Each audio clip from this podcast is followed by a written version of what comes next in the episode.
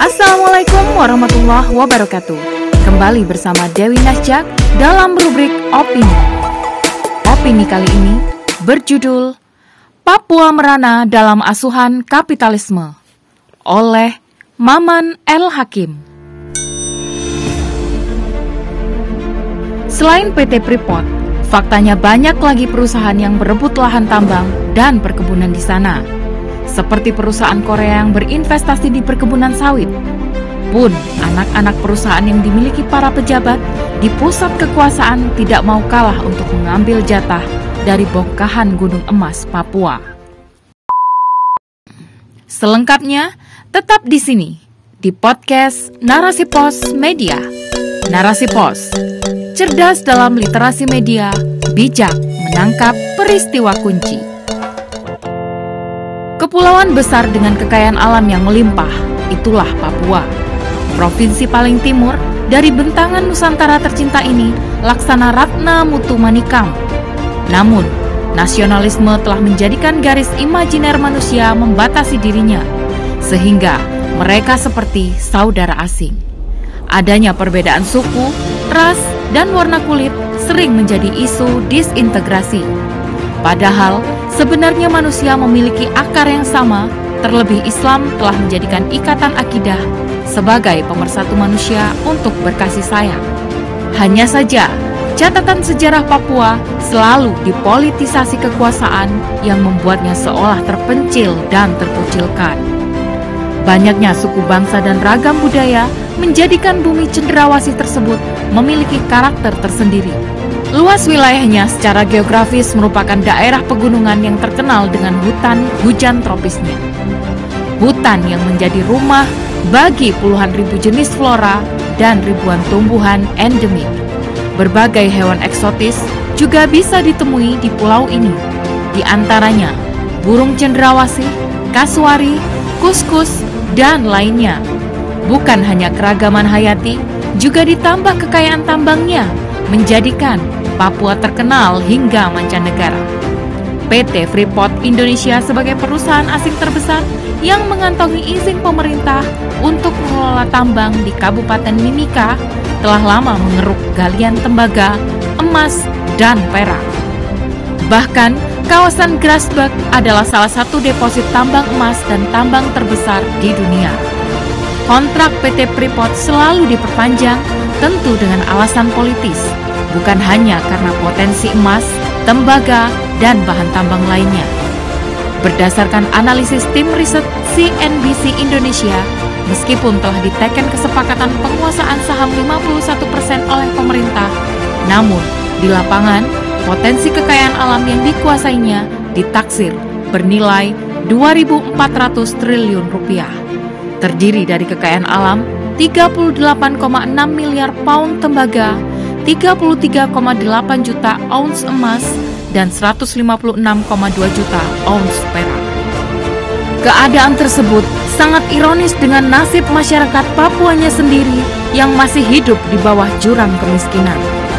Menurut Badan Pusat Statistik, mencatat angka kemiskinan di 16 daerah masih tinggi dan menempatkan Papua di tempat teratas, disusul dengan anak provinsinya, yaitu Papua Barat.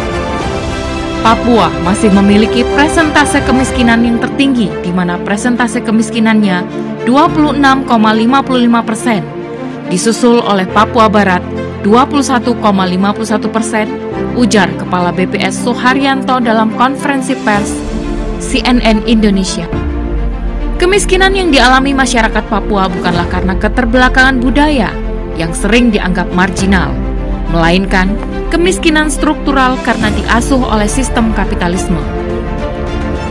Kenyataan pahit tersebut sungguh sangat beralasan. Kapitalisme menjadi biang keroknya karena memandang segala potensi alam itu sebagai kekayaan alam yang boleh dikuasai siapa saja, asalkan memiliki kemampuan modal dan mau bekerja sama dengan kekuasaan. Dibukanya investor asing di lahan yang sangat molek membuat siapa pun menjadi kaya raya tidak aneh jika ada petinggi negara yang dibuat gusar atas pencatutan anak perusahaannya yang disebut-sebut telah bermain mata terhadap beberapa proyek di Papua. Jika menurut akar masalahnya, inilah buah busuk kapitalisme yang telah menjadikan kekayaan alam yang sejatinya milik rakyat secara umum, telah menjadi milik pribadi, swasta, bahkan asing. Negara seolah tidak berdaya karena kehilangan wibawanya dalam mengatur potensi alam tersebut untuk menyejahterakan rakyatnya secara keseluruhan. Negara dalam kapitalisme hanyalah corong para pemilik modal yang telah menanamkan investasinya. Inilah sistem kekuasaan yang bermain di belakang para pemilik modal. Berpuluh-puluh tahun eksotisme kekayaan alam dikeruk oleh orang-orang yang kemaruk harta dan tahta dengan menelantarkan rakyat yang semakin nestapa. Selain PT Freeport, faktanya banyak lagi perusahaan yang berebut lahan tambang dan perkebunan di sana. Seperti perusahaan Korea yang berinvestasi di perkebunan sawit, pun anak-anak perusahaan yang dimiliki para pejabat di pusat kekuasaan tidak mau kalah untuk mengambil jatah dari bongkahan gunung emas Papua. Adanya kesalahan paradigma memandang kepemilikan alam yang boleh dikelola asing telah membuat Papua selalu merana. Kesalahannya bukan pada siapa yang memimpinnya, melainkan sistem aturan yang diterapkannya. Kapitalisme telah jelas-jelas hanya berprinsip pada asas manfaat atas kesepakatan bersama melalui suara mayoritas. Meskipun faktanya tidak selalu berdasarkan mayoritas suara rakyat, bukti kegagalan sistem kapitalisme dan kezaliman penguasa kepada rakyatnya adalah adanya ketimpangan kondisi sosial rakyat yang semakin terpuruk di jurang kemiskinan. Pengelolaan alam yang diserahkan kepada pihak asing telah menjadikan negeri ini terjajah meskipun merasa telah merdeka. Dengan demikian, hanya aturan Islam saja yang mampu memberikan solusi, yaitu dengan memposisikan kembali pengelolaan sumber daya alam, kepemilikannya tetap pada rakyat, sedangkan negara hanya mendapat amanah mengelolanya tidak menyerahkannya kepada swasta apalagi asing. Karena barang tambang tersebut termasuk dalam kategori harta yang sifat pembentukannya menghalangi dimiliki secara individu. Sebagaimana sabda Rasulullah, tiga hal yang tidak boleh dimonopoli, yaitu air, rumput, dan api. Hadis riwayat Ibnu Majah.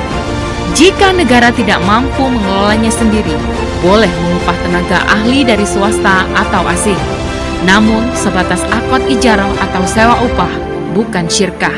Apalagi akad jual beli, karena akad jual beli harta yang sifatnya umum tersebut akan menjadikan pemindahan kepemilikan dari kepemilikan umum menjadi kepemilikan individu atau golongan. Wallahu a'lam bishawab.